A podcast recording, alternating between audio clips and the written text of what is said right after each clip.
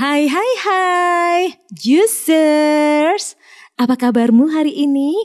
Duh, senangnya sekarang bisa tambah sering ketemu dalam episode bulan Juli tentang anak Indonesia. Hey hey hey, jangan lupa ya, dengerin semua episode di musim yang baru ini. Biar kamu update gitu loh. Oke, kali ini saya akan mengajakmu menikmati keseruan masa remaja saya, tepatnya waktu masih jadi siswa putih biru alias SMP. Tapi sebelumnya saya mau kasih info dulu nih. Podcast Jusmar Kisah, segernya seger banget. Juicers, tahu nggak? Selama ini saya memproduksi podcast Jus Markisa pakai Anchor.fm. Karena gratis dan gampang banget. Kamu tinggal ketik Anchor.fm di peramban atau install aplikasinya di HP. Kalau sudah sign up, kamu bisa mulai membangun podcastmu. Gak perlu banyak aplikasi, karena di Anchor ini kamu bisa record, edit, publish, bahkan sampai mendistribusikan episodemu ke berbagai platform audio digital, termasuk Spotify. Mulailah bersuara dengan Anchor.fm.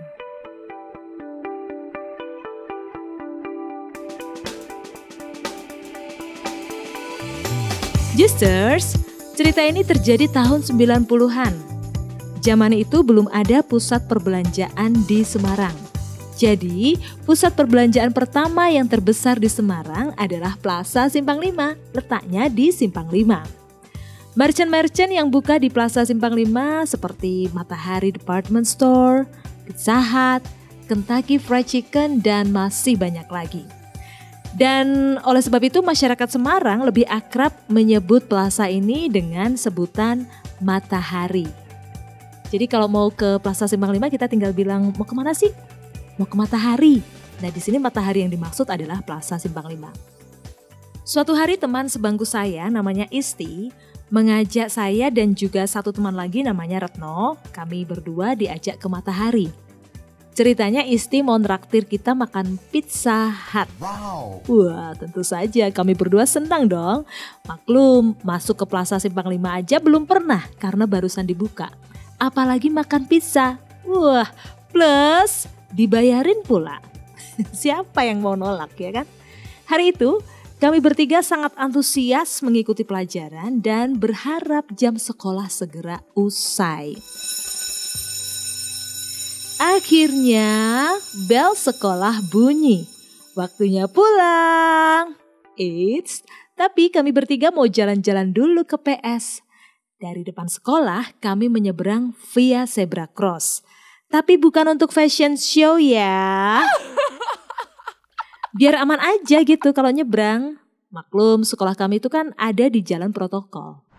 Habis itu kami naik Daihatsu nomor 8 jurusan Simpang 5. Di episode sebelumnya saya udah kasih tahu loh ya apa itu Daihatsu. Jadi dengerin.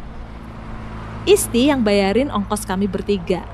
Udah begitu sampai di Simpang 5 kami langsung bilang, "Kiri, Pak. Kiri, Pak. Kiri, kiri, kiri, kiri." Nah, kalau sudah bilang kiri-kiri kayak gitu otomatis sopirnya akan menghentikan laju kendaraannya. Daihatsu berhenti, kami bertiga turun. Dan saya, Isti, Retno gandengan tangan buat menyeberang dan melangkahkan kaki ke PS. Nah, juicers, kamu bisa bayangin kan orang yang baru pertama kali itu lihat pusat perbelanjaan. Pasti kamu bisa bayangin ya, mata kami bertiga itu berbinar-binar bahagia banget. Kami juga takjub bisa lihat barang-barang bermerek yang biasanya hanya bisa ditemukan di Jakarta. Eh, sekarang bisa muncul di Semarang. Wah itu sensasinya sangat-sangat menakjubkan. Nah Pizza Hut ada di lantai dua. Isti memimpin kami naik eskalator.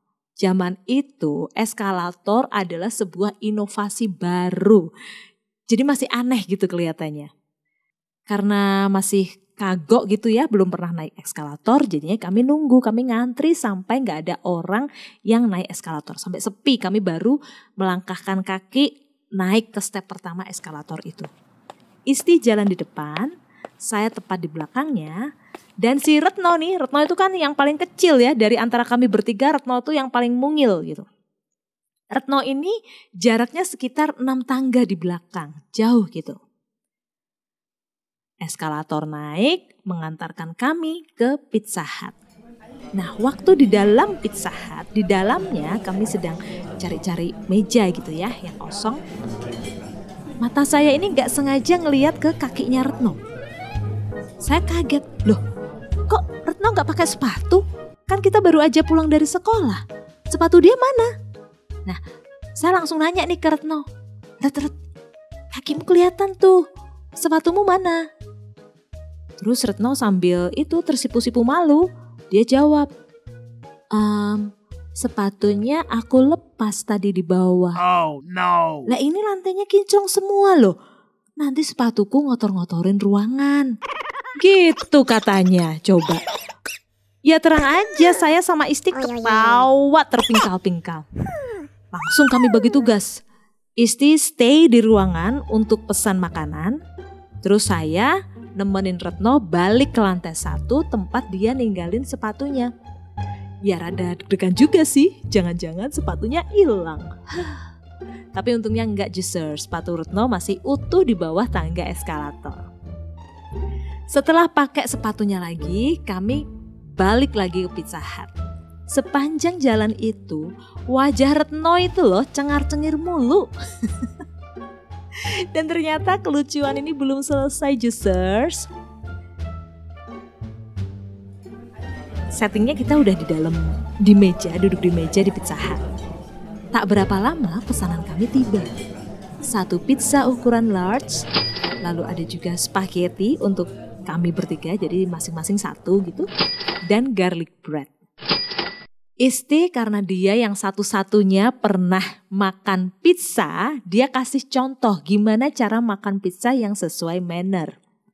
Maklum dia ini anaknya anggota DPRD gitu ya, jadi ya bisalah dia makan pizza sesuai manner. Mulai dari naruh tisu di pangkuan, lalu pisau dipegang pakai tangan kanan, garpunya pakai tangan kiri. Lalu Isti juga kasih contoh gimana cara ngambil pizza dari pennya. Saya ngikutin persis apa yang dilakuin Isti. Retno nggak nggak bisa, dia kelihatan sulit mengikuti contoh dari Isti. Jadi dia ngiris pizza pakai pisau itu sangat sangat sangat sulit. Itu pizza ya, kayak ngeyel gitu sama si Retno. Pizzanya nggak putus-putus. Terus diegrek-egrek gitu kan, krek krek krek krek nggak putus-putus terus kayaknya si Retno tuh salah pegang pizzanya. Jadi sampai-sampai satu slice pizza itu kelempar dari piringnya Retno jatuh di lantai. Wah langsung saja itu ya puluhan mata itu sudah noleh ngeliat kami bertiga. Ya kami sebagai anak SMP cuek aja. Kami malah ketawa kepingkel-pingkel lihat ulahnya Retno. Apalagi tuh ya Retno itu beneran gak punya malu. Tanpa malu dia itu uh, nunduk jongkok, dia ambil itu cuilan pizza yang jatuh ke lantai dan dia balikin lagi ke piringnya sambil ditiup-tiup. Belum lima menit, belum lima menit. Gitu, terus dimakan. ya agar ini nih agar gak kejadian ada pizza kelempar lagi dari piring, Retno makan pizzanya langsung pakai tangan, nggak pakai pizza. Eh nggak pakai pizza, nggak pakai pisau. Habis itu ada adegan berikutnya yang juga cukup lucu, yaitu ketika kami makan spaghetti. Isti kasih contoh makan spaghetti pakai stick. Saya ngikutin dong contoh dari Isti. Nah kalau Retno, spagettinya juga keras kepala kalau sama si Retno. Gak ada yang mau nempel ke sticknya. Lepas mulu ya. Jadinya kita sudah makan berapa kali gitu ya memasukkan spaghetti ke mulut, si Retno tuh belum. Dia akhirnya nggak sabar dan langsung itu bukannya pakai sendok atau pakai apa gitu ya. Dia langsung pakai tangannya, tangannya ngambil spaghetti langsung dimasukin ke mulut.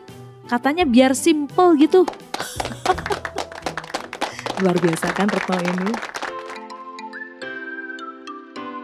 Nah, peristiwa hari itu menjadi pengalaman pertama kami, Juicers. Pengalaman pertama naik eskalator.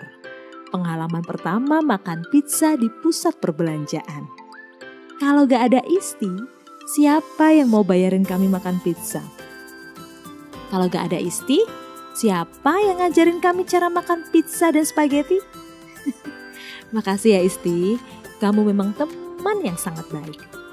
Nah Juicers, itu tadi saya sudah bagi-bagi cerita keseruan masa remaja bersama Isti dan Retno.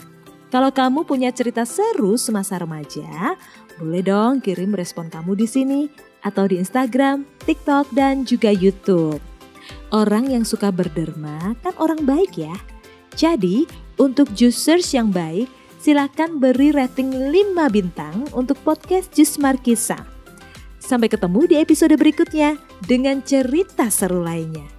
Ingat Juicers, masa lalu membentuk masa sekarang dan masa kini membentuk masa depan.